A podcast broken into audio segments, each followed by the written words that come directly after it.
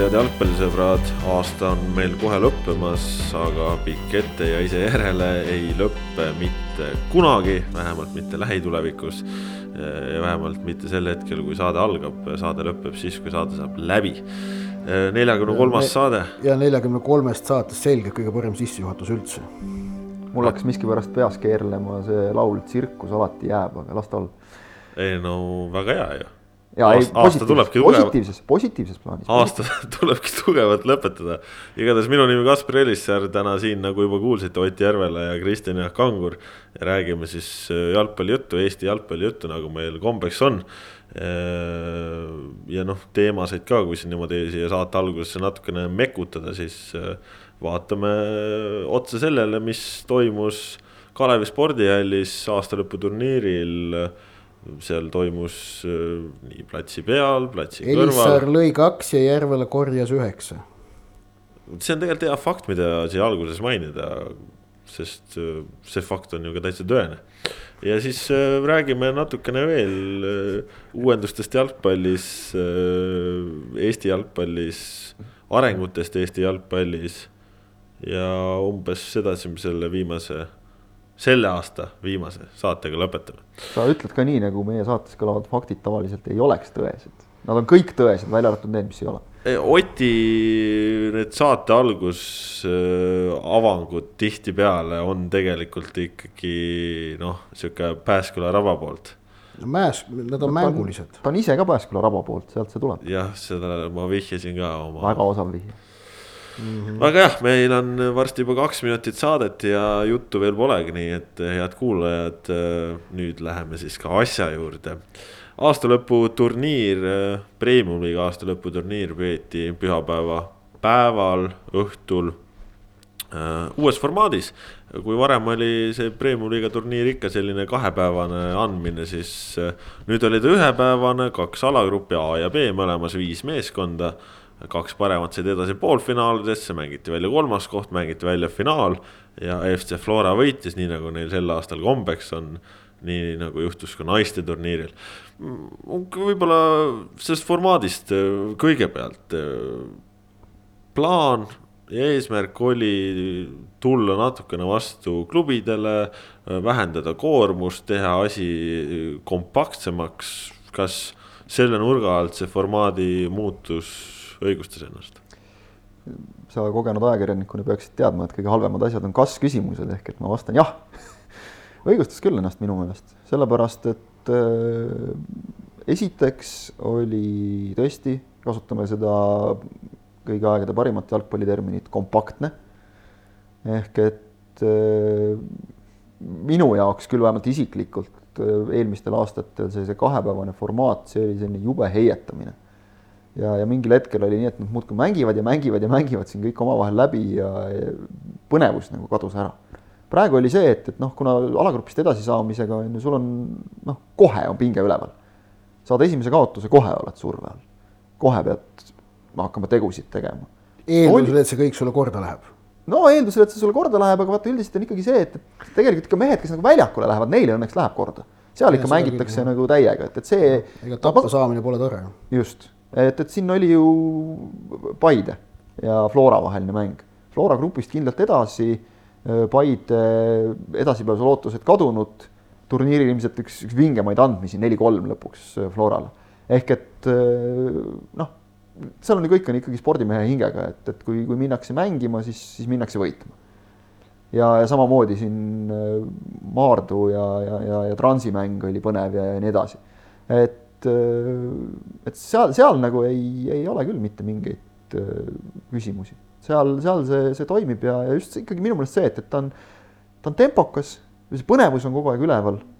Äh, muidugi jah, on treenereid, kes, kes tulevad nii, et noh, ei, mõni ei väsi ka, ei väsi ka turniiri ajal kuulutamast, et mul on ükskõik sellest ega neilgi nüüd tegelikult nagu päris ükskõik ei ole ja, ja kui siin noh, me jõuame rääkida veel sellest koosseisude teemast loomulikult, see on omaette teema.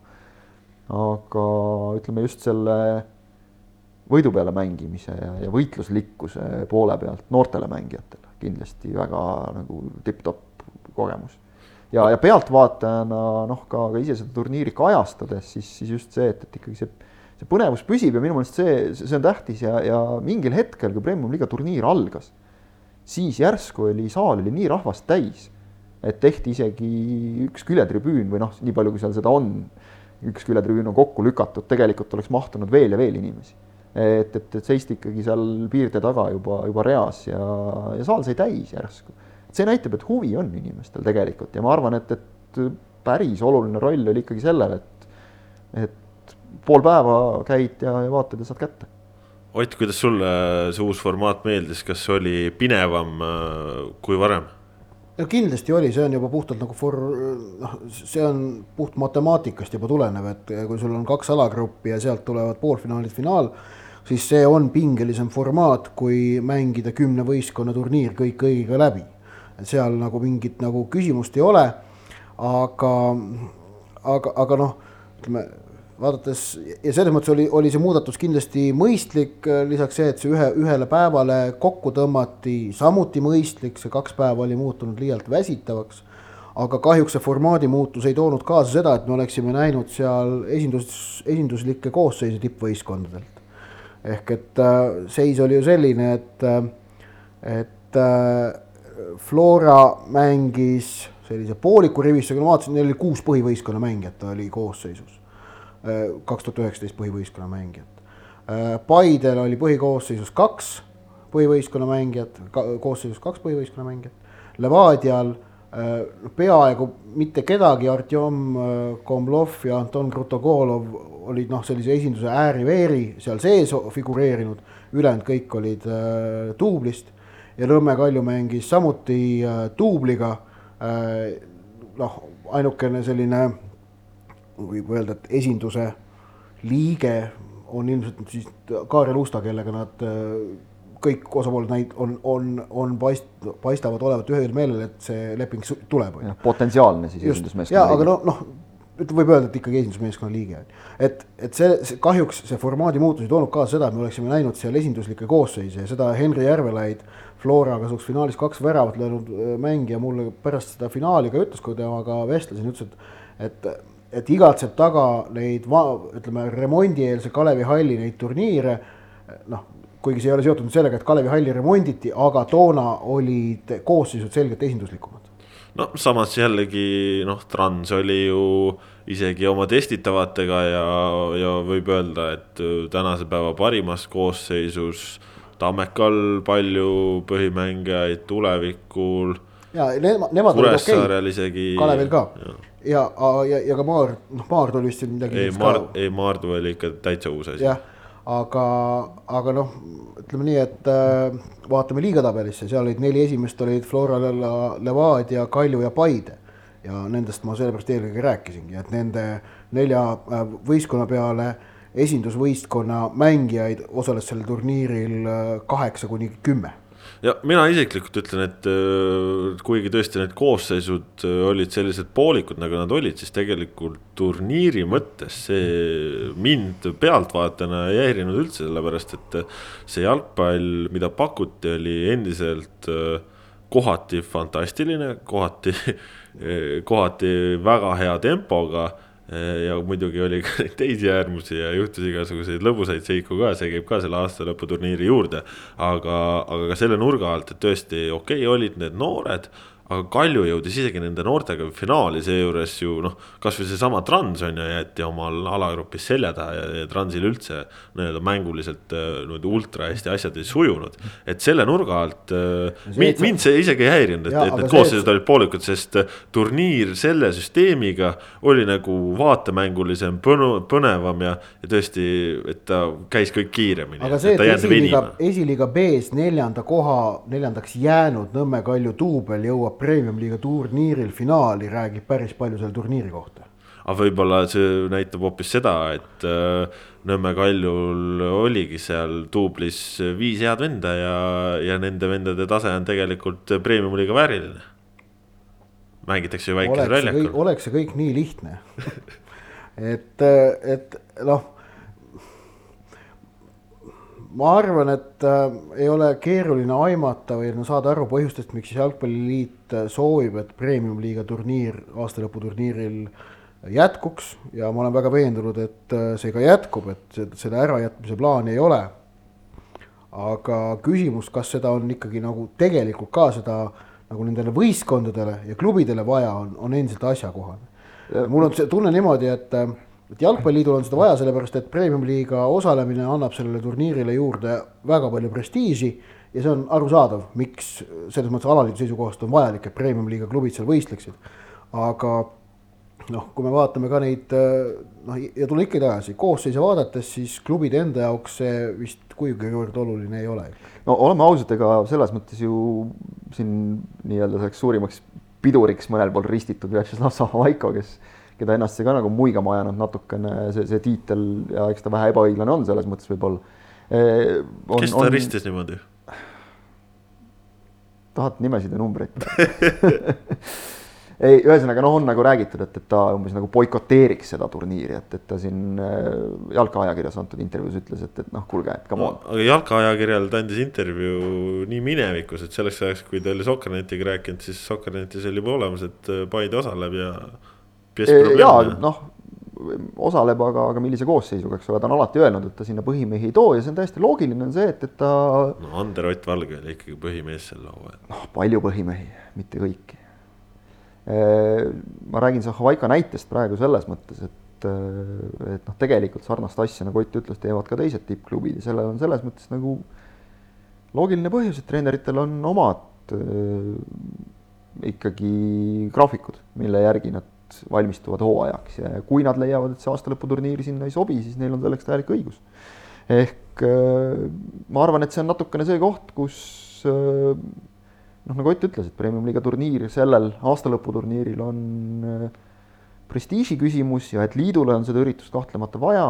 Liikudes eile saalis ringi, siis näen, nägin seda, et, et ka paljudel jalgpalliga seotud inimestel on ta selles mõttes hea, et, et sa aasta lõpus kõigil on selline pühade meeleolu, sa näed tuttavaid saad. toimib ta väga hästi. sotsiaalse see... üritusena toimib ta no, väga hästi ja minu meelest no,, minu meelest no. ei ole absoluutselt midagi halba selles, kui eks ole, siis on see tase seal lõpus ka veel natukene kõrgem, muidu noh ta, ta annab, ütleme avalikkusele, noh, on väga raske maha müüa seda, et meil mängivad siin esiliiga ja ja, ja noorteklassid, eks ole, et, et ta, ta toob selle, selle turniiri fookusesse korraks, see premium-liiga turniir ühepäevane, olgu ta siis ühepäevane või ükskõik kui pikk.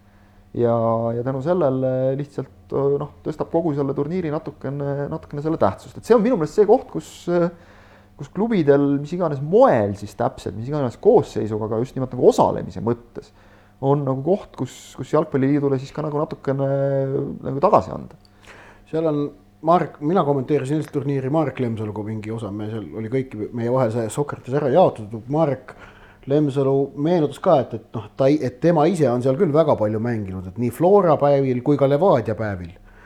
et ja, ja et siis ei olnud nagu kellelgi probleemi seal käia ja tema, see oli see, tema mängis veel sel ajal, kui seal seda kunstmuri ei olnud, mängiti laudpõrandal ja oli hoopis karmim mäng et see lihtsalt selline vahemärkus siia, aga, aga nüüd, mis puudutab noh, et turniiri ettekäändeks, millega, miks sellest turniirist äh, nagu loobutakse, eelkõige tuuakse, on ju vigastusohtu. Minu meelest on seis see, et eilsel Premium-liiga turniiril me ei näinud mitte ühtegi vigastust. isegi, isegi mingit sellist midagi kergemat, et keegi oleks nagu platsilt ära longanud või niimoodi. noh ei. no midagi sellist nagu reaalset vigastust, vigastust ette ei lööd, muidugi seal jalad käivad koos ja no,. ja eks haige... me isegi mängisime eile on seal, et kõigil kuskil pärast on natukene haige, aga noh, see on. vigastust iga..., vigastust ei olnud, on ju. ja, ja, ja selles mõttes ma olen tegelikult noh, seda, selle kohta ütles ka Henri Järvelaid väga hästi, seda mõtet on muuseas Jürgen Henn minu meelest juba päris mitu aastat väljendanud või vähemalt kaks, siis kolm. et, et, et, et kui mängija kõik, et väga palju sõltub mõttelaadist et kui minna keskendunult mängima siis on ka vigastusoht tohutult väiksem. et äh, kohe, kui, aga kohe, kui see mõttelaad on selline, pagan, et ma pean selle siin mängima, niikuinii ma saan, võin saada vigastada, siis võib ka midagi juhtuda. Henri Järvelaid ütles, et äh, kui olla keskendunud igas elemendis ja, ja portide piirete ääres mitte lollusi teha, siis on nagu noh, seis hea. et, et noh, siis, siis, siis ei ole midagi hullu karta ehm,. sellega ma olen nõus jällegi, et, et noh, ja samas on, samas on seal see, et, et noh et, et, et need premium-liiga turniiril need noh, need tempod on ikkagi väga kõrged tegelikult, et noh, seal on näha selgelt näha, meil mängivad ikkagi väga head sportlased, atleetlikud mängijad platsil, et noh, ainult seal Maardu eest nägi paari sellist nagu jõuluprae hõnguga venda sibamas. muidu oli igal pool noh, väga atleetlik rivistus ja see tähendab, et kiirused on suured, teoorias kokkupõrked võivad samuti olla valusad, aga me nägime väga vastutustundlikku jalgpalli kõikidelt osapooltelt, sihilikult haiget tegemist, no sisulikult ei olnud, paaris korra, paaril puhul keesid tunded üle ja noh, ütleme mõned vead seal portide ääres tegid, tehti, aga õnneks enam-vähem oli asi kontrolli all. Ja mis puudutab neid noori mängijaid veel korraks selle juurde tagasi tulles, siis neil oli just ka jälle võimalus siin noh, ennast äh, tõestada, samas ei, ei läinud see tõesti kordagi ka nagu üle piiri. Mina ka ei mäleta ühtegi sellist hetke, tõesti jah, paar, paar niisugust üksikut olukorda, et noh, kõige suurem oht on alati olnud just need pordiäärsed mängimised, et seda sellist raiumist seal ääres oli sel aastal vähemalt noh, subjektiivselt mulle tundus nagu oluliselt vähem, et eks on treenerid ka ilmselt sõnad peale lugenud, et noh, mängime natukene teistsugust jalgpalli ja noh, kui me isegi tegelikult võib-olla seal on see loogika ka, et, et kui me vaatame lõppenud premium-liiga hooaega, siis neid meeskondi, kes tahavad just nimelt nagu palliga mängida, neid on järjest rohkem, et neid, kes selle, lähme selle jõumängu peale, neid, neid nagu naljalt ikkagi ju ka nüüd ei, ei leia ja sellel turniiril nagu ka ei olnud sellist noh no., sellist lolli enesekehtestamist nagu, et ma nüüd no aasta, aasta lõpukal sa peadki mängima palliga väga osavalt, sest kui sa seda ei tee, siis sul puudub sisuliselt äh, võimalus eduks ja, ja ma arvan, selles mõttes ongi selle, selle nurga alt hea ja noh, samas ütleme, kui me siin ka koosseisudest noh, räägime, et ühtepidi ja teistpidi, siis no ma ei tea, võitja meeskonna eest mängisid ka Eesti koondises sel aastal tegusid teinud mehed. ja, ja mängisid Kreida, väga isuga. on ju näiteks. mängisid väga isuga ja ütleme näiteks, mida oli vahva vaadata, et mida see aasta lõpukas annab, ütleme Kreida-sugustele mängijatele või või, või ka mitmes meeskonnas oli näha, et, et kuna see väljak on nii väike ja, ja seal on võimalik positsioone hästi vahetada ja, ja noh, katta üksteise liikumisi, siis äh, kaitsjad nautisid väga seda, et nad said ka oma tehnikat näidata ja käia rünnakul, mida nad tavaliselt mängudes eriti ei saa, nii et, et noh, ma kujutan ette, et täpselt, kui sa lähed, nagu Ott ütles, kui sa lähed õige meelestatuse, õige meelelaadiga peale sellele turniirile, siis on seda võimalik nautida küll. Äh, Herol näiteks, äh, suurim väravakütt lõpuks ja võib-olla ka turniiri parim mängija, selleni me jõuame veel aga, aga Herol näiteks noh, ilmselgelt naudib seda aastalõputurniiri igal aastal, sest et tema trumbid tulevad seal välja ja neid mängijaid oli peaaegu igas meeskonnas, kellele, kes mõnuga keerutasid ennast kuskilt pordi äärest sealt kolme mehe vahelt palliga välja ja, ja lükkasid lühikest söötu ja, ja, ja nautisid seda mängimist. See, no... see on kõik peas kinni. ma saan aru, et, et mingil määral võib tekkida see lihtsalt ka, et, et see aastalõputurniir on nagu iga asjaga, et, et kui ta sul on aastaid, nüüd juba aastakümneid, eks ole, peaaegu olnud et, et siis tekib lihtsalt mingi see, et, et ah, jälle mingi rutiin, et ma tean, et vot need kuupäevad on need asjad.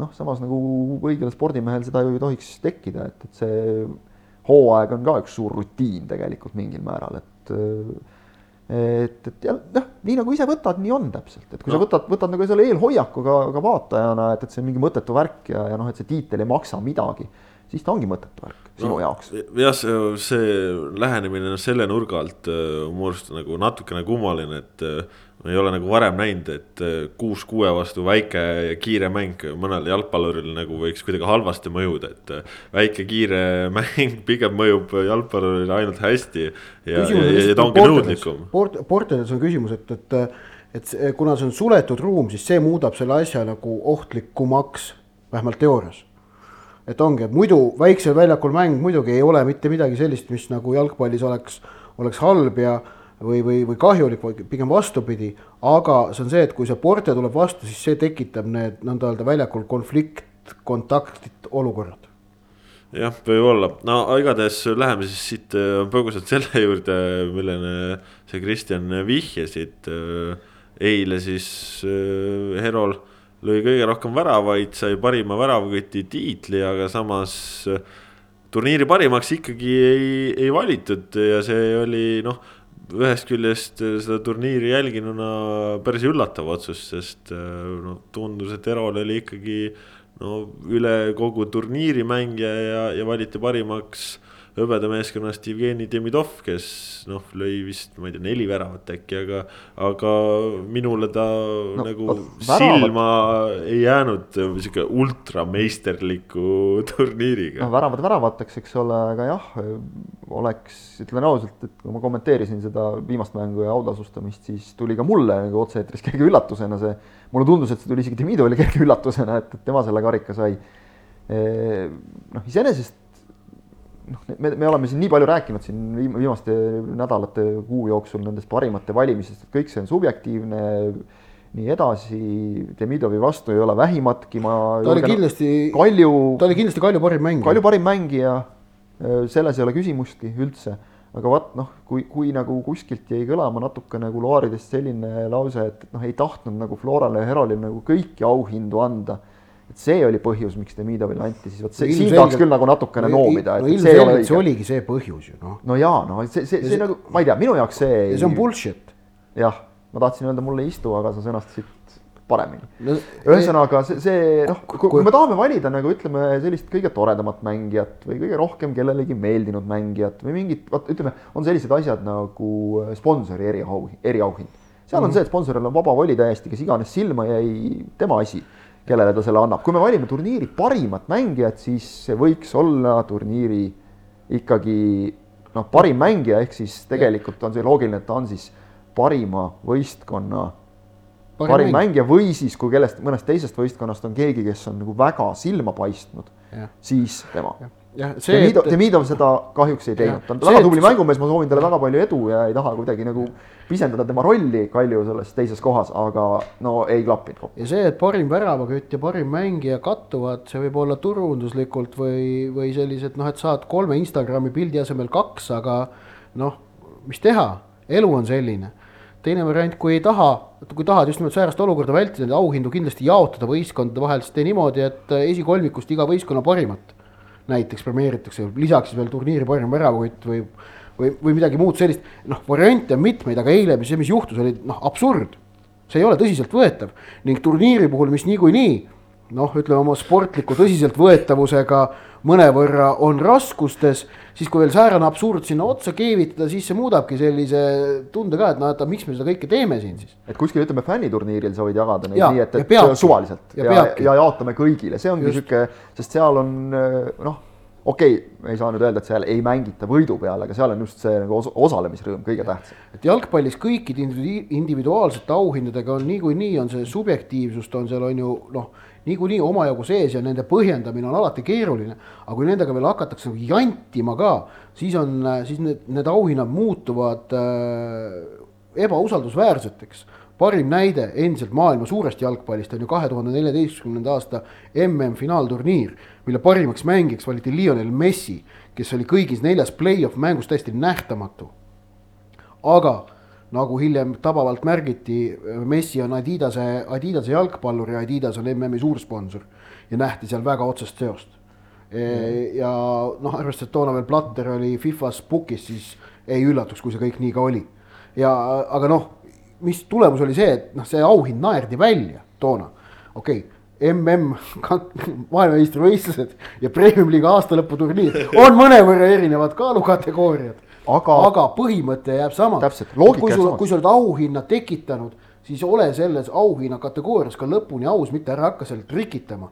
et Demidovi pär-, mingil moel tunnustada, jah, Kalju parim mängija sel turniiril igati asjakohane, aga ta ei olnud turniiri parim mängija mitte üheski. ja, ja teine, teine asi on see, et oleks ta siis äh, rahvahääletus, et kui rahvas oleks nii otsustanud, siis, siis ta võibki nii olla, aga ja, kui no, see on nii-öelda hääletusel... ekspertide valitud, äh, siis, siis ta ei saa olla nii. siis, siis ongi see, et, et äh, ei võida mitte kõige parem, vaid see, kellel kõige rohkem fänne ja see ongi nende hääletuste eesmärk on ju noh. muidu me oleks jõudnud sama, selles maailmameistrid. muidu me oleks jõudnud sama absurdini võib-olla sel aastal, et anname siis Van Dijkile nagu maailma parima jalgpalluri auhinna sellepärast, et Messil on neid juba liiga palju, et noh, see nagu ei, ei, ei ole nagu väga hea loogika kuskilt otsast. just. et see jah. maailm parandatud. Ott, sul üldse on siin viimase nädala jooksul ka see parimate valimine on, on ikkagi hingel olnud ja oled sellega tähelepanu keskmesse ka.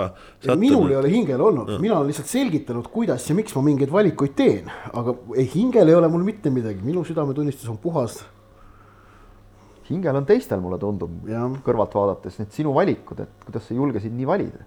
jah. see on probleem olnud mingil arusaamatul põhjusel. et millised siis probleemid on, tutvustage mulle ka, et ma ise väga kursis ei ole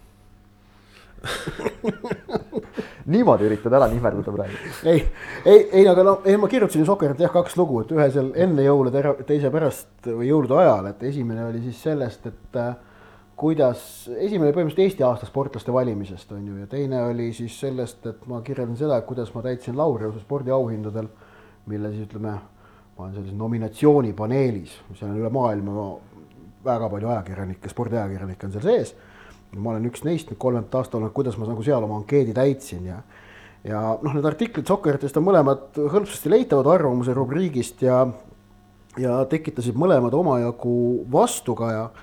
Aga, aga ma, ma nagu selle noh, ma ei tea, kas ma hakkan, ei ole vist mõtet hakata mul neid kõiki ümber siin rääkima ja tegelikult ka mitte oma argumente siin kordama, vaid noh, need, need mõlema artikliga ma nägin ikka päris pikalt vaeva, et ma seal sõnastasin enda meelest oma argumente ja mõtteid niivõrd täpselt, kui ma oskan. Ja noh, kuna ma olen selles asjas päris meisterlik, siis need on tegelikult täiesti hästi nagu sõnastatud äh,. aga tõsi, vastuargumendid eriti mitte, mis seal mulle esitati äh,. aga, aga et soovitan siis nendega tutvuda, kui soovite. aga kokkuvõttes, mis seal nagu noh, kuhu võib taandada, on see, et äh, mis, mis neist kahest nagu artiklist järgnenud, ütleme siis poleemikast ma kokku tõmban, on see, et et äh, seda pealiskaudsust meil siin Eestis noh, ilmselt võib öelda ka maailmas säärastel küsimustel on natukene, natukene pealiskaudselt võetakse seda kõiki asju, ehk et, ehk et ei kiputa süübima ei argumentidesse, süsteemidesse, põhimõtetesse ega nendesse paradigmadesse, mille raames on need otsused sündinud ja mis põhjusel. vaid lihtsalt noh, võetakse et mulle meeldib, mulle ei meeldi, aga vot seal on see, et ma sel skaalal mina neid otsuseid ei tee ja noh, sellepärast ma muidugi ka ajakirjanik olen ilmselt on ju. minu meelest on nagu sellega üldiselt ma võib-olla natuke lahmin, aga ilmselt mitte väga palju. on nagu väga selge, et äh, hinnangut siis sinu ütleme ka hinnangutele või arvamustele lähtuvad väga tugevalt sellest, et oot-oot-oot minu lemmik ei saanudki temalt esikohta mm -hmm. või ei võitnud, mis mõttes? just.. Ja, ja sealt siin, siin, siin nagu kaasneb see umbes, et natukene selline noh, mingi piirini ütleme mõistetav inimlik väike kadedus, et noh, tegelikult tahaks ise ka kuskil hääletada niimoodi. ja see kõik kokku annab selle kompoti, et äh, isegi kui sa põhjendad ära, nagu sa ka oma artiklites tegid, miks sa nii hääletasid siis äh, võib-olla mõne jaoks, kelle jaoks ka mingil määral ütleme, võib-olla see käib kõige rohkem nende laureuse auhindade kohta, mujal on ikkagi nagu suhteliselt selge, kust, kust nominendid tulevad ja miks. Äh, laureus noh, eeldab spordi jälgimist, ütleme laiemal skaalal, et natukene selline noh, kastist väljas mõtlemine või mõtlemine mingitest natukene muudest loogikatest lähtuvalt, kui, kui see, et võitja on parim. Need, need auhinnad ei, ei ole noh, vaata just see, mida me rääkisime, on, ütleme brittidel on väga hea näide, brittidel on ju BBC veetav äh, aasta spordiisiksus. jah, sports personality. mis on, mis on väga tabav, sports ja. personality, isiksus. ehk seal ei loe tegelikult üldse see, kui palju sa täpselt võitsid vaid seal kui, on saanud. kui kõvasti sa võitsid või, või kui ülekaalukalt sa võitsid just. või, või kas sa üldse võitsid?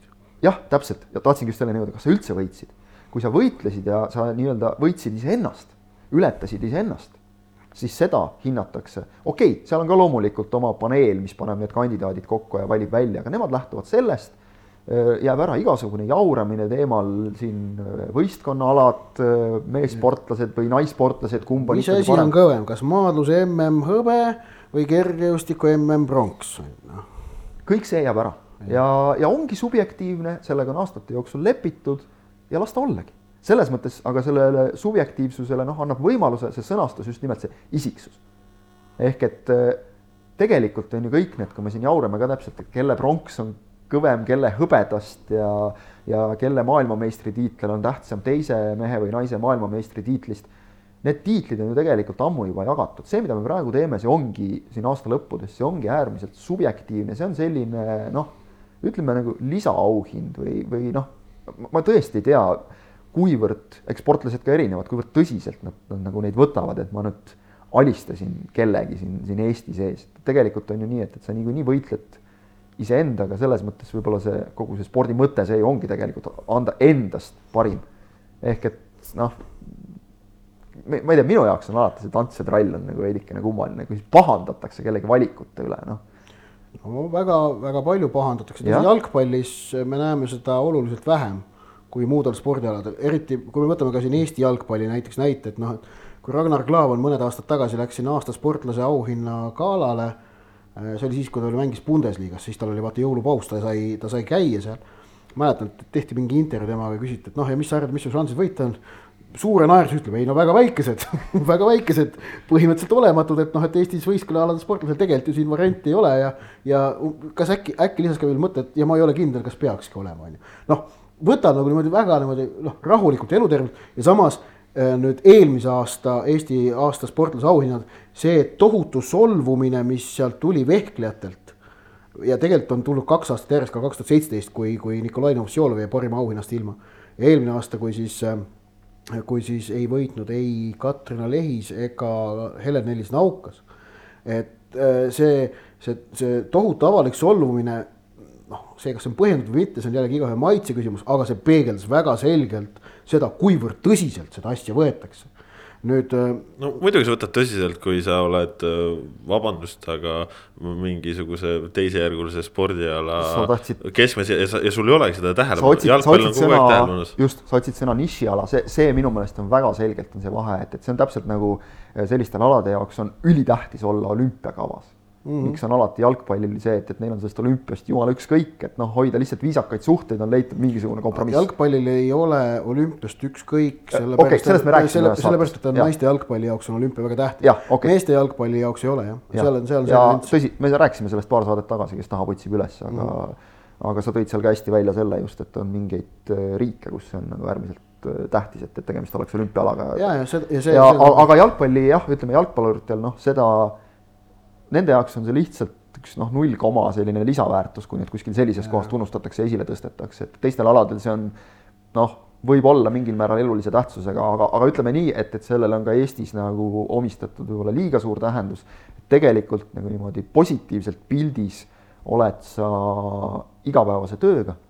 Ja seda on tegelikult meil ka mõned alad tõestanud, võib-olla, kus noh, alati mingil ajahetkel sportlikud tulemused ei olegi niivõrd äh, säravad aga selleks, et, et saaksid uued tulijad tööd teha ja, ja, ja et neil oleks neile, neile selleks vajalikud tingimused loodud, see ala suudetakse hoida ka sellistel võib-olla väikestel madalhetkedel nii-öelda pildis, nii et, et noh, see on, need kõik on natuke sellised peeglisse vaatamise kohad, ütleme nii mm. -hmm. no läheme siis äh, siit tagasi jalgpalli juurde ja, ja kui me rääkisime ennist, et, et premium-liiga aastalõputurniir möödus ilma suuremate vigastusteta, siis äh, Äh, natukene madalamal ikkagi nii hästi ei läinud ja, ja.... tuleb tegelikult öelda, et õnneks möödus ka ilma suuremate vigastusteta. et, et kuhu me oma jutuga tüürime, on loomulikult väga palju kõlapinda leidnud Oliver Jürgensi juhtum, kus ta siis tõesti mängulises olukorras palli peale minnes põrkas kokku ühe Flora mängijaga ja tuli ikkagi ühel jalal hüpates ja platsilt ära ja, ja pärast väga tugevasti longates käis koos Nõmme Unitediga auhinda vastu võtmas ja, ja noh, esmapilgul tundus väga-väga loll olukord, meelde tuli kohe eh, Mart Poom ja, ja Iron Maiden legendaarne mäng, kust Poom läks eh, poolvigasena tagasi Inglismaale, sai seal hirmsasti sõimata, nagu ta, nagu ta ise ka oma raamatus hiljem tunnistas ja, ja sõimas ennast ilmselt kõige rohkem ise et milleks seda vaja oli, see Jürgensi aastalõputurniiril mängimine, noh, oli natukene sarnane olukord, sa oled saanud Itaaliasse, sul on suur tulevik ees.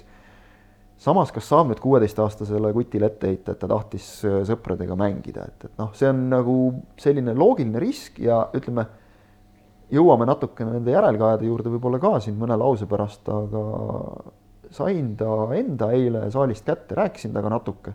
tema enda suhtumine oli küll selline, et see on jalgpall ütles ise ka, et saalis selliseid asju juhtub. Õnneks on tal kõik hästi, ütles, et äh, sai ennekõike obaduse mingisse kohta, kus lihtsalt läks närvi pihta. ehk et vaatasin eile ka, kui ta ringi liikus saalis täiesti normaalselt, ütles ise ka, et pole mitte midagi hullu enam. see oli siis päev hiljem, jah. päev, jah. päev hiljem, et äh, noh, see nagu näitab ka, et, et läks õnneks. ja ise tahtis kangesti mängida, ütles, et see oli minu enda initsiatiiv et kui Nõmme Unitedist küsiti, et noh, tahan, muidugi tahan, keegi teda sinna platsile ei sundinud, ei ajanud, no võib-olla ta nüüd järgmine kord mõtleb natukene, et ütleme, risk on natuke liiga suur.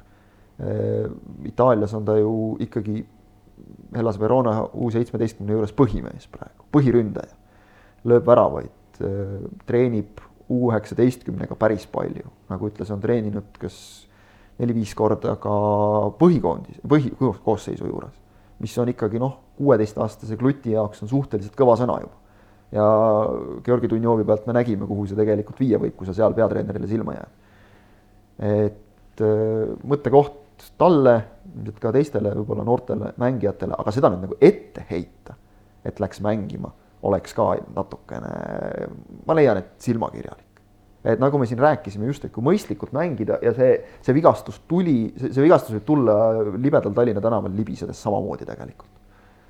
et jah, see, mis ütleme, sellele järgnes Jürgensi isa poolt, oli üle võlli nagu tegelikult äh, Oliver Jürgensi isa Jüri Jürgens ka hiljem ise tunnistas, noh, saame aru. minu meelest ütles Oliver Jürgens selle kohta ise päris tabavalt, et et aga mu isa on noh, ma saan nagu aru, et minu fänn, jalgpallifänn, seda ta umbes mõtles. ja tal ongi see fännihoiak ja fännid ongi emotsionaalsed. ehk et sealt tulebki emotsioon, muidugi emotsioone ka noh, annab hoida natuke rohkem kontrolli all ja see, mis juhtus, et sai sõimata üks Flora noormängija nagu takkajärgi selgus veel vale noormängija, mitte tegelikult see mees, kes vea, isegi selles olukorras ei saa öelda, et vea tegi, sest et oleks viga olnud, oleks kohtunik selle vilistanud. Seal ei, ei olnud isegi, isegi viga selles olukorras, see oli lihtsalt õnnetu kokkupõrge.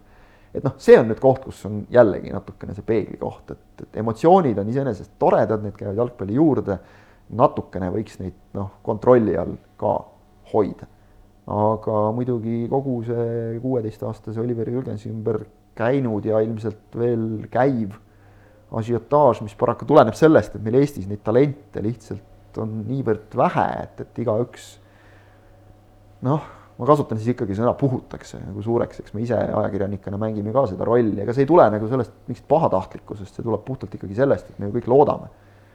tegelikult ka, ka kõik need, kes noh kuskil foorumites kirjutavad ja, ja kommentaariumites, see tuleb ju sellest, et tegelikult kõik tahaksid, okei okay,, võib-olla mõni üksik erand on, aga kõik ju tahaksid tegelikult, et Oliver Jürgensist või Aleksandr Šapovalovist või Georgi Dunjovist tuleks Eesti koondisele üks kõva mängija juba lähiaastatel, sest ega need mehed on tegelikult suurest jalgpallist veel sammu, mõni ainult poole sammu kaugusel ja mõni on juba peaaegu kohal. nii et noh, on ka meile nagu ette heidetud umbes, et miks, miks te nagu nii palju lokku lööte selle mehe ümber, minu meelest on, on ta seda väärt, sest et noh, isegi see esiliiga turniir näitas ja, ja kui temaga koos mänginud poisid ütlevad ikkagi, et ta lööb igast asendist, kui ta väljakul on. sellist talenti Eestis nagu naljalt ei leia. Et, et seal turniiril ta ka näitas, et, et tegemist on andeka poisiga, et noh, pöidlad pihku, et tal läheks hästi jah, aga noh, laiemalt äh,, laiemalt üldse, ega mitte ainult ju jalgpallis ja mitte ainult siin Jüri Jürgensiga puhul, aga. aga, aga see kipub ikkagi natukene spordis olema probleem, et, et lapsevanemad, kes on väljakute ääres noh, justkui nii-öelda pöialt hoidmas, kõike head soovimas, et ikkagi keevad üle ja, ja lähevad võib-olla välja piiridest, äh, mida nad äh, jälgima ja jälgima peaksid? ütlesid tabavalt äh, idee poolest jah, pöialt hoidmas. reaalsuses minge rääkige ükskõik millise noortetreeneriga, tal on kindlasti seal kümneid lugusid selle kohta, kuidas selle pöidla hoidmine muutub ülikiiresti selliseks, et oma lapsest noh, on ükskõik, mis ta teeb seal väljakul. kui siis, kui eksib, siis karjuda ta peale, mis on üks hullemaid asju tõenäoliselt ja, ja, ja vähemalt sama hull on see, kui hakatakse, me räägime konkreetselt praegu ikkagi laste jalgpallist, me ei räägi isegi siin mingit kuueteistaastast ja tegelikult ka kuueteistaastane ei pea sellist sõimu kuulama, nagu Kalevi hallis kõlas. keegi ei pea seda kuulama, ka tegelikult mingit roppu sõimu tribüünilt ei ole mitte ükski A-koondise mängija ükskõik mis tasemel ära teeninud, aga see selleks. laste puhul on see veel kordades hullem. ja noh, see on suhteliselt jälk, mis ikkagi tegelikult väljakute ääres toimub. et äh, ei tea, kas Eestis peaks sama teed minema, mingites, mingites riikides on ikkagi mindud täitsa seda teed, et on, on selge reegel, et, et vanematel trennidesse ammugi mitte ja väljaku äärde asja ei ole lihtsalt. Ei no ja, ja ma tean, ütleme, ma tean, et paljudes klubides on selles mõttes väga hea sisekorra eeskiri, millest, millest kinnipidamist vanematelt ka nõutakse, et, et Eks see on klubi lubatud, lubatud on ainult, lubatud on ainult laste positiivne ergutamine, on ju. et noh, kõik muud asjad väljaku ääres ongi keelatud, aga, aga see ei ole mingi asi, mida me saame siin nagu jalgpalli seest ausalt öelda lahendada. ei muidugi mitte. see on, see on, see on ikkagi ühiskondliku kokkuleppe küsimus, See mis on inimese- ühiskondliku käitumisnormid ja, ja kas ühiskond ise jõuab oma arengus sinnamaale, Inimese- et, et see, seda nagu lihtsalt ei aktsepteerita. inimese Ott- sisemise kultuuri küsimus, ütleks kas sa arvad, et jalgpallil pole seda positsiooni, et äh, muuta ühiskonna käitumist? ei, üksinda küll ei ole jah, aga ei no selge on see, et me saame jalg, et Eesti jalgpall või, või, või üld- üldse meie jalgpalli inimesed saavad seda, selle probleemi lahendamisele kaasa aidata. Jah, aga, aga see ei, see, see lahendus ei sõltu siin kaugeltki mitte ainult jalgpallist, et jalgpall saab noh, proovida olukorda veidikene leevendada, aga siin tegelikult need käitumismustrid, mida me näeme, tulenevad protsessidest, mis on mis, mis on seotud nii ütleme ühiskondlike protsessidega, aga tegelikult ka tehnoloogia arenguga, see, kuidas inimesed on muutunud äh, noh, ütleme saavutuse kesksemaks või siis hoopis ka enesekesksemaks seoses sellega, et inimestevahelist suhtlust on tehnoloogia arenguga vähemaks jäänud. see samu, samuti konkurents, mida me näeme, no mis ühiskonnas kipub ka noh, siiski teravnema, tõsi, on ka mõningad vastupidiseid ilmingud, aga üldiselt on ikkagi noh, üle maailma sa vaatad praegu, et konkurents siiski äh,, inimestevaheline konkurents teravneb ja, ja konfliktid on üha avalikumad äh,, väljendusviisid on üha labasemad äh, ja see kõik kandub üle ka sinna erinevatesse valdkondadesse, alustades sellest, kuidas, kuidas nagu me käitume üksteisega ühistranspordis või poes, aga ka jalgpalliväljakul. see, see on, see on, see on, see on, see kõik on lahutamatu. Neid asju ei ole võimalik ei, ei maksa jah eeldada, et, et inimene, kes, kes väljaku ääres räuskab, et ta siis näiteks kodus oma naise ja lastega nagu teistmoodi suhtleks või, või kuidagi kolleegidega. kodus, kodus, noh, see, seda me ei tea, pigem võtaks selle avaliku sfääri siin nagu kokku, kurat, noh, kuigi jah, näiteid võib igasuguseid olla. oota, ütleme, tegelikult on selles mõttes hea näide, et, et noh, ka, ka jalgpallifännluses leidub kahjuks ka seda, et, et tribüün on nagu see koht siis, kus on kõik lubatud. Et tegelikult need inimesed käivad noh, normaalsel igapäevatööl ja, ja igapäevaelus ei, ei sõima näiteks poes äh, kassapidajat läbi, kui, kui talle piisavalt kiiresti raha tagasi ei anta või, või, või ma ei tea, partnerkaart ei tööta, eks ole, et, et noh, siis nagu suudetakse olla, aga, aga tribüünil läheb kuidagi see pidur maha, et, et ma, ma olen detailidesse laskumata just paaril viimase päeva jooksul sattunud kuidagi täiesti tahtmatult loomulikult tunnistajaks just mitmele sellisele olukorrale, kus on, kus ma olen mõelnud, et, et kas nagu täpselt sedasama, seda nagu avalikus ruumis olemise pidurit ei ole nagu inimesel absoluutselt. ehk et noh, omavahelises suhtluses just ja samasuguses noh, räusklevas suhtumises, et, et sellises olukorras näiteks midagi minna sellele inimesele ütlema, ta ei mõistaks, sest kui ta mõistaks, siis ta ei käituks nii. ehk et jah, sul on ilmselt õigus, et, et küll olen seda meelt, et jalgpall saab suunata, aga see on, nõuab ennekõike noh, tohutut kannatlikkust ja noh, kas, kas meil seda kannatlikkust nagu alati on võtta, et hakata nüüd seal väljaku ääres iga inimest muutma, sest kui need oleksid üksikud näited, siis saab noh, nagu alati sellise kogukonna jõuga selle inimese panna mõtlema järele, mida ta teeb, miks ta teeb, kuidas see mõjub tema last, lapsele, kuidas see mõjub teistele lastele.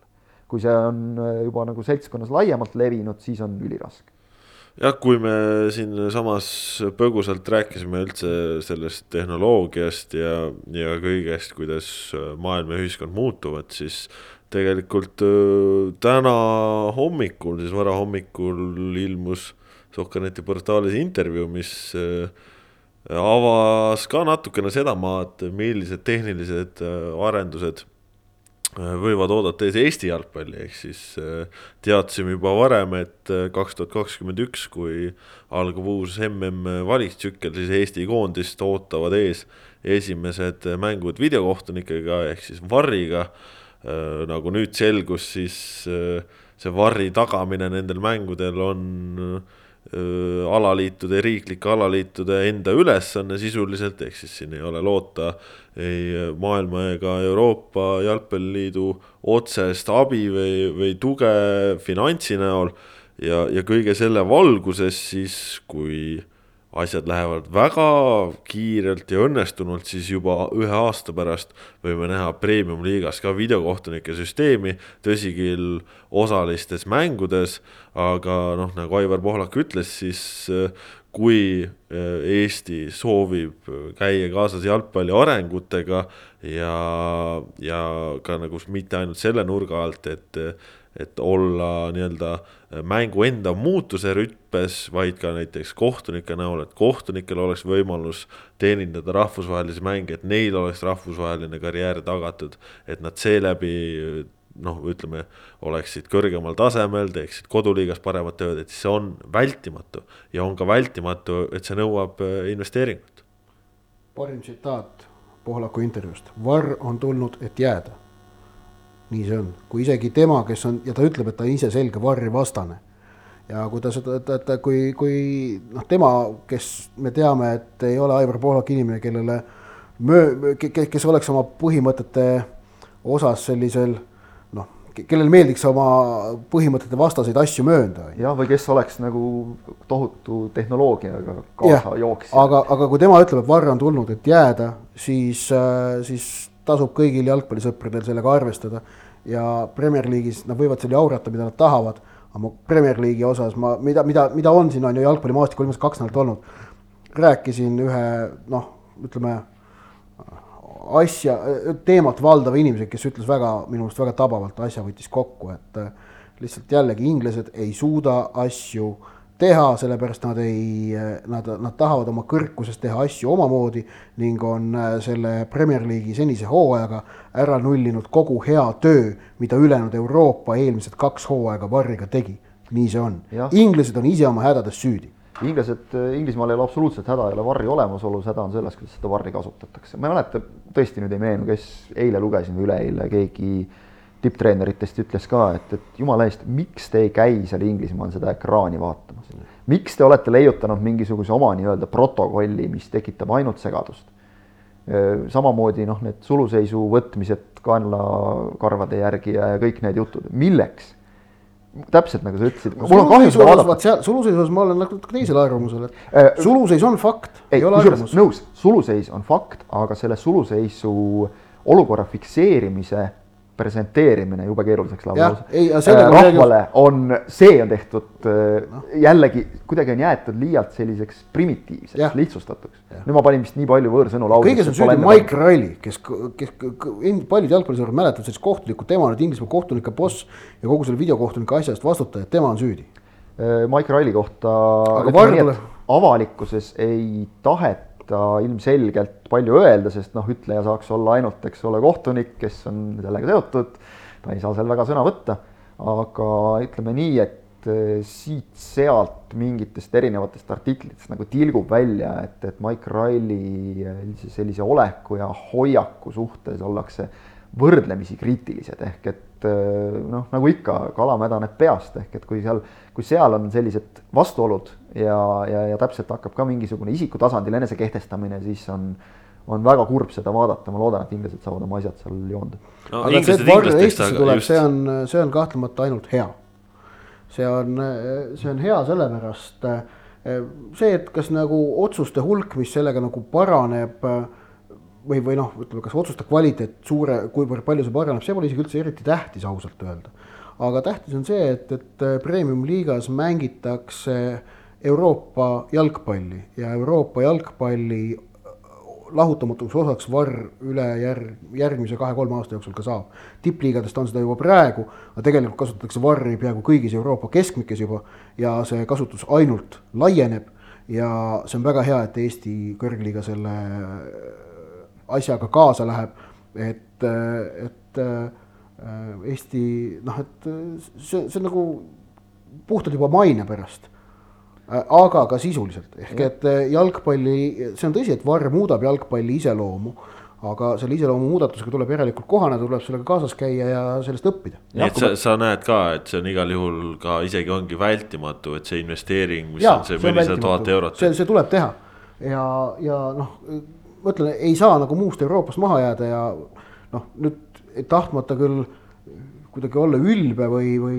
või, või niimoodi noh pagan, et noh, nii vaene Eesti enam ka ei ole, et, et seda asja endale lubada ei saaks, et, et noh, tuleb leida see raha lihtsalt ja. alaliidul ka kui me tahame, et, et meie mängijad läheksid Euroopa liigadesse, kus noh, täpselt nagu sa ütled, see, see järjest süveneb, siis oleks nagu päris hea, kui me ei ole sabassörkijad selles osas, veel hullem tuuleveskitega võitlejad, vaid me, me liigume nii kiiresti kui vähegi võimalik ja kui on leitud ikkagi, et see on võimalik, siis tuleb see ära teha. ja sest VAR kasvab jalgpallikultuuri osaks.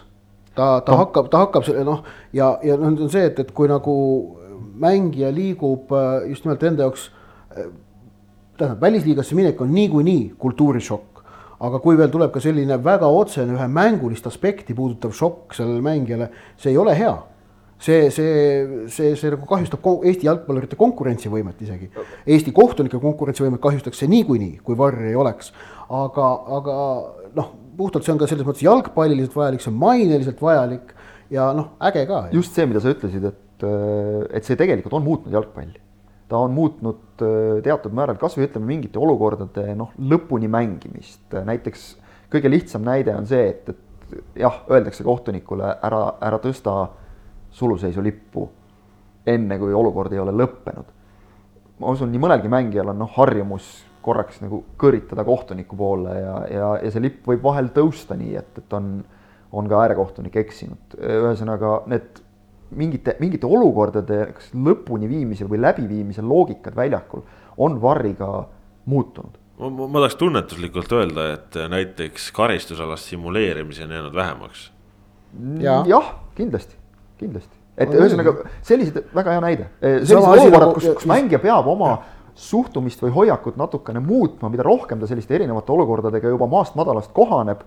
Ja premium-liigas me võime rääkida, kes tahab tegija olla, see mängib siin maast madalast juba, eks ole, seda, seda parem talle endale. teine asi, et äh, kui olid enne varri olid täiendavad abikohtunikud meil otsajoonte taga, siis nende abil muutus oluliselt vähemaks äh, särkidest rebimine standardolukordade puhul ning äh, see ei ole tagasi tulnud, seda on endiselt, me näeme väga palju vähem kui ütleme seitse-kaheksa aastat tagasi. no samas näeme, et äh, var või mitte, kõiki asju ära ikkagi alati ei anta. ei anta, ei, see, jah, see, see, see, see, see subjektiivsus jääb sinna alati, aga noh, need jah, sina tõid välja simuleerimise, mida on selgelt vähemaks jäänud. teine asi on särgist rebimised, aga see ei olnud isegi mitte ainult varri pärast vaid juba ennem, aga tegelikult ega varri ajal mängijad varrimängudes noh, ei, noh, sa oled loll, kui sa riskid tegelikult. Ja jah, jah, noh, ühesõnaga jah, ei hakka ja, rohkem ja, ja, pikemaks seda juttu venitama. no ühesõnaga saame siis, saame, saame siis näha, mida esmalt äh, kõigepealt see eelarvekomisjon äh, leiab ja, ja kas tõesti nii kiirelt äh, see varr juba tõesti teoks saab, aga noh, ütleme selle nurga alt, et kuna ka jalgpalliliit koondise vaatevinklist niikuinii peab sellega tegelema siis tuua siit äh, ka see premium-liiga tasand juurde, see tundub äh, sellise mõistliku asjade ühendamisena, et, et kui, kui juba, siis juba nagu öeldakse. aga kiiretest arengutest või sellistest suurtest sammudest ka siia saate lõppu natukene veel. nädalavahetusel selgus ka nii palju, et kinnitas jalgpalliliidu juhatus ametlikult Eesti tippliigade koosseisud ja kui meeste tippliigade koosseisude osas seal suuri üllatusi ei olnud äh, selle nurga alt, et, äh, et kõik, kes omale mänguliselt õiguse välja võitlesid, nemad peale Sillamäe Kalevi siis ka liigasse tõusid. Sillamäe Kalevil siis äh, teatavasti pärast seda paari aasta tagust saneerimist oli tingimuseks seatud, et nad saavad tippliigadesse ehk siis esiliiga, esiliiga B ja, ja premium-liiga tõusta alles siis, kui nad on oma võlad tasunud ja nad, neid ei ole, ole praeguseks tasunud, nii et seetõttu nemad ei saanud tõusta ja, ja Läänemaa jalgpalliklubi siis äh, sai nende koha äh, esiliiga B-s, kuigi nad üleminekumängudel kaotasid, siis naiste meistriliigas sai ikkagi väga huvitavaid asju sündima.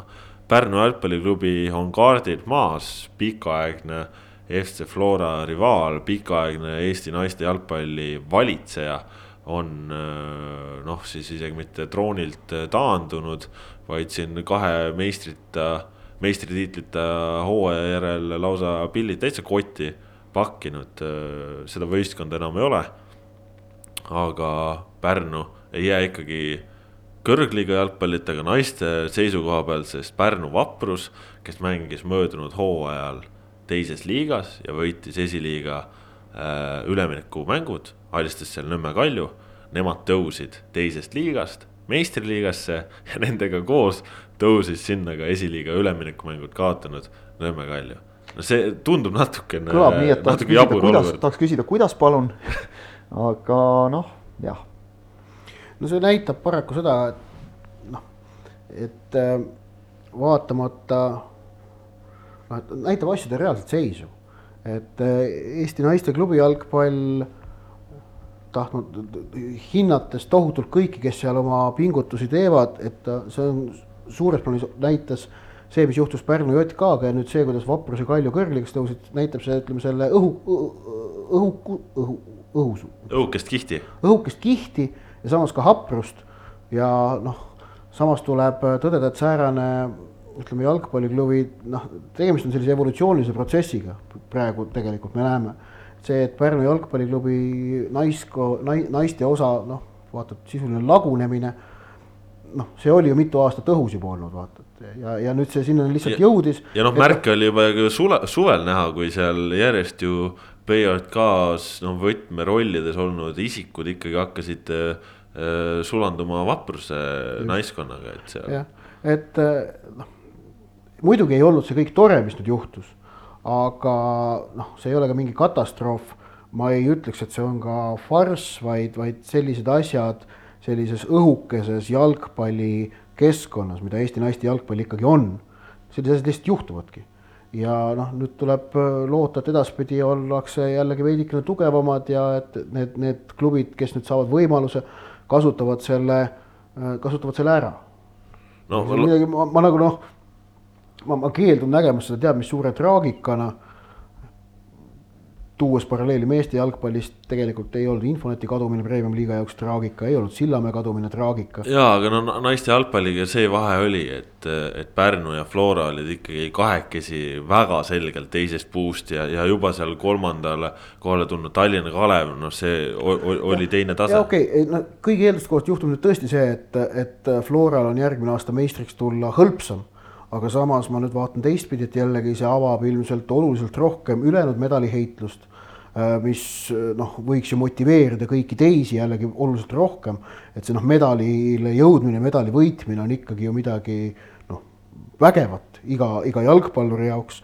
ehk et äh, noh, sellel on ikkagi noh, mitu külge. noh, ja, ja, ja ütleme ega see Flora, noh, Pärnu ise valitses Eesti naiste jalgpalli vist kaheksa aastat järjest vahepeal või üheksa isegi. et, et noh, mingil hetkel saab kindlasti ka see Flora tiitli jääda otsa, praegu neil on kaks tiitlit järjest.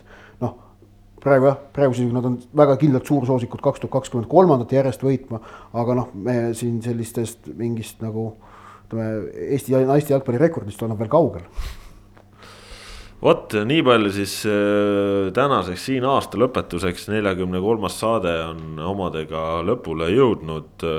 aitäh, et olite meiega sel aastal, olge meiega uuel ka, soovime teile äh, kõigile kaunist vana aasta lõppu ja head uut aastat. jalgpall Soccernetis on ja jääb, loodetavasti ka teie. nii et kõike ilusat teile ja kohtumiseni siis uuel aastal, adjöö